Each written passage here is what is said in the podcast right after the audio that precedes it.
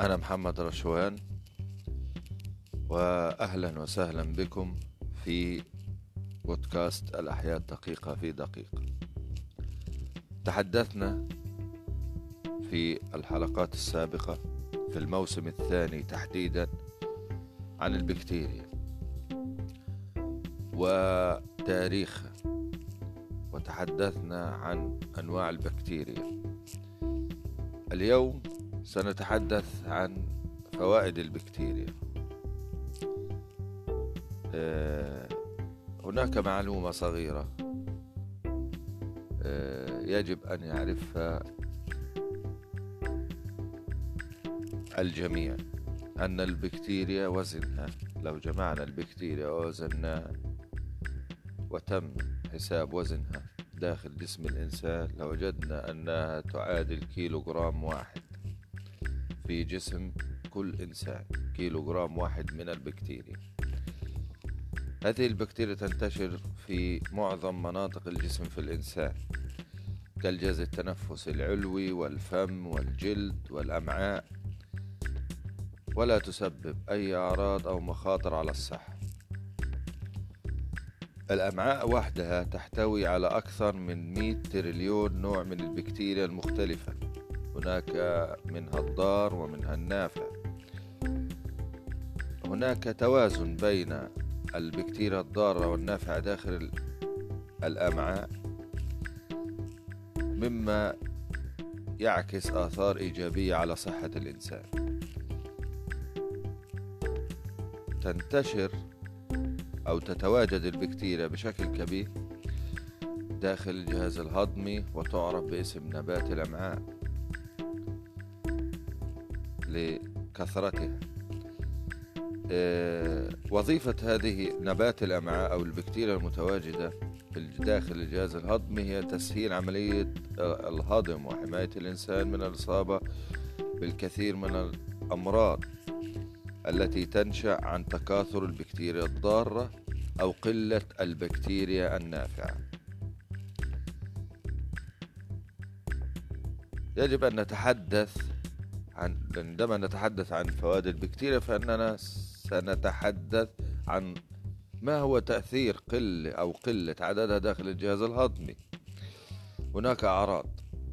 ما هي الأعراض؟ أولا زيادة الغازات في الأمعاء وانتفاخ البطن ثانيا عسر الهضم والتجشؤ المستمر ثالثا خروج رائحة كريهة من الفم رابعا الإصابة بإسهال مزمن أو إمساك. خامسا أمراض القولون الناتجة عن انخفاض أنواع البكتيريا البكتيريا المعوية المضادة للالتهابات. سنتحدث الآن عن الأعراض الأخرى الناتجة عن قلة البكتيريا النافعة. هي التسبب بأمراض. تحدثنا قبل قليل عن أعراض. هنا سنتحدث عن أمراض ناتجة عن قلة البكتيريا داخل آه، جسم الإنسان. أولا يصاب الإنسان بأمراض مثل القلق والاكتئاب والتوحد. لماذا؟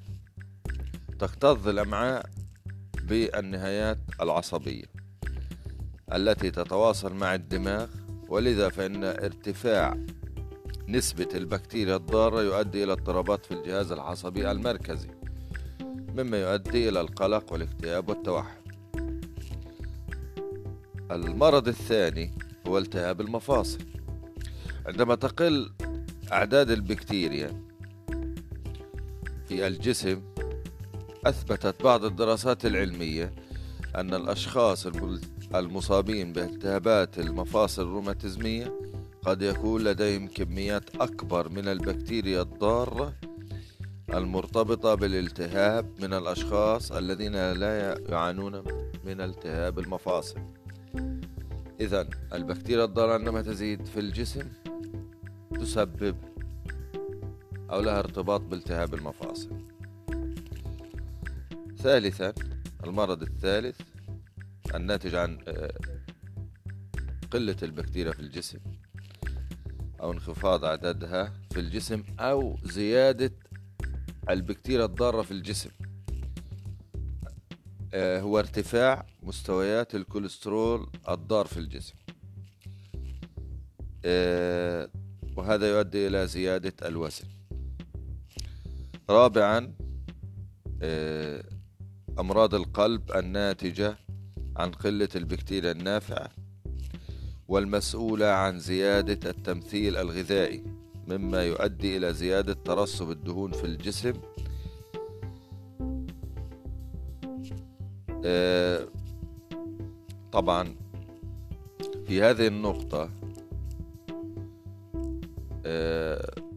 مفهوم أن زيادة التمثيل الغذائي تزيد من من تراكم الدهون داخل شرايين القلب مما يؤدي إلى الجلط عافانا الله وإياه آه،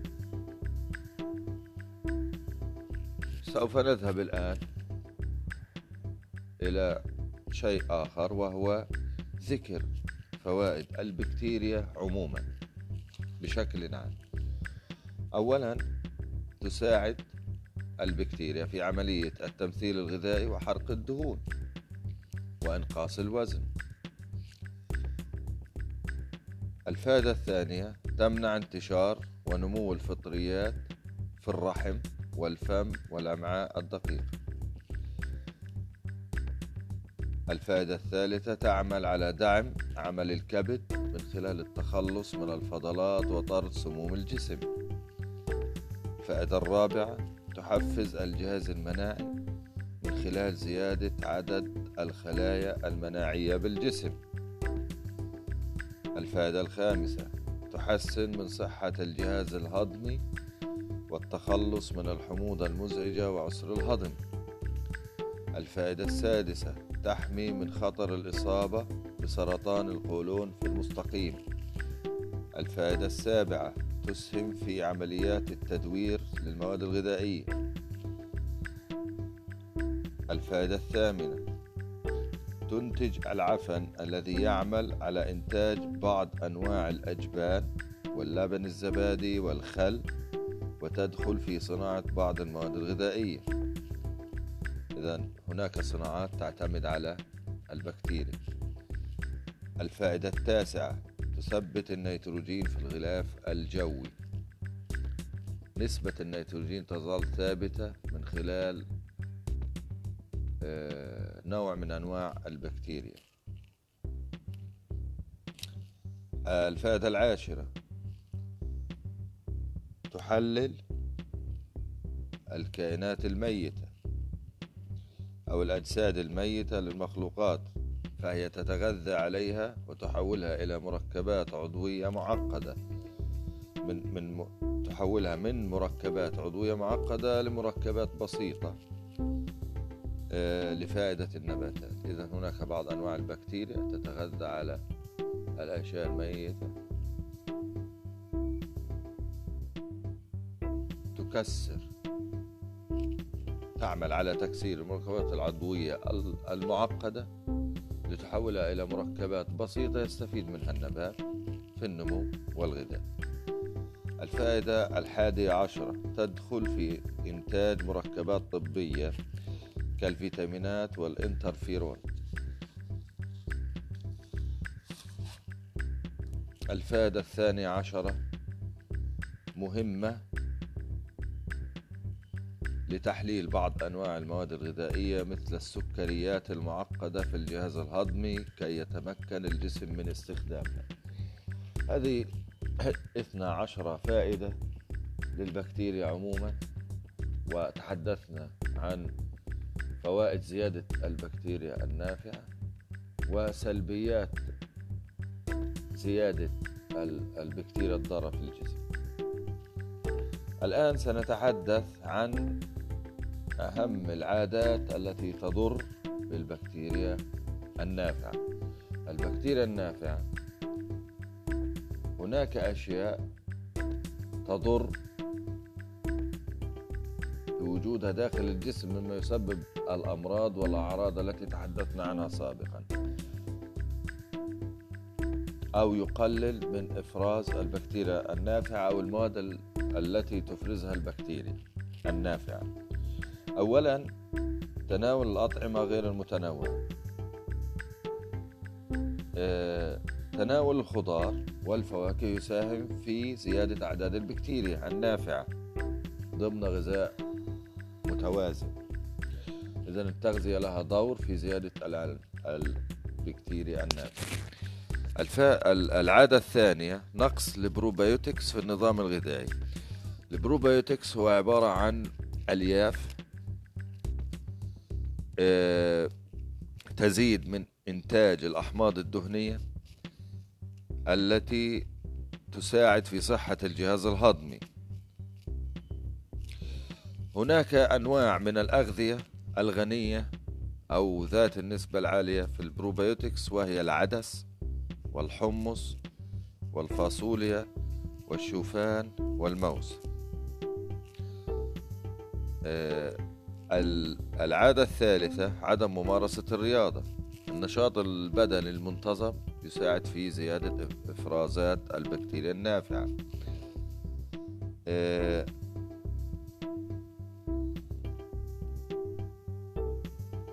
طبعا بدنا بدنا نحكي عن إنه البدن المنتظم بساهم في نمو البكتيريا المعوية المفيدة وكذلك انخفاض مستويات الإجهاد وفقدان الوزن وتقليل مخاطر الإصابة بالأمراض المزمنة. الرياضة لها دور كبير.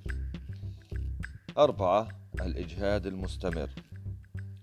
الضغط الجسدي والنفسي له تأثير. ضار على الأمعاء. حيث يحد من تدفق الدم وتغيير مكونات وعدد البكتيريا. إذا هناك ارتباط بين الإجهاد الجسدي والإجهاد النفسي في زيادة البكتيريا الضارة وقلة البكتيريا آه، النافعة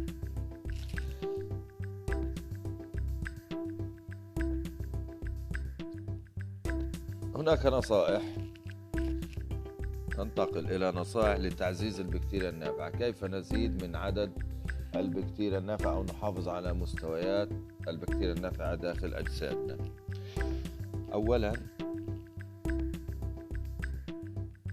الحد من تناول المحليات الصناعية. آه، المحلات الصناعية تزيد من نسبة السكر في الدم. مما يحفز البكتيريا الغير صحية. السكر له زيادة تناولنا للسكريات أو السكر الغير طبيعي المحليات الصناعية تعمل على تحفيز البكتيريا الغير نافعة الضارة. ثانيا يجب أن نقلع عن التدخين. الإقلاع عن التدخين يحسن من صحة الأمعاء ويحدث ذلك بعد تسعة أسابيع فقط من الإقلاع. بعد تسعة أسابيع من الإقلاع تبدأ يبدأ يتحسن آه، أعداد البكتيريا. آه، النصيحة الثالثة الحصول على قسط وافر من النوم. قلة النوم. تتسبب في زيادة إفراز البكتيريا المرتبطة بزيادة الوزن والسمنة ومرض السكري. يجب أن ننام جيدا من ست إلى ثمان ساعات يوميا. الفائدة الرابعة التخلص من التوتر.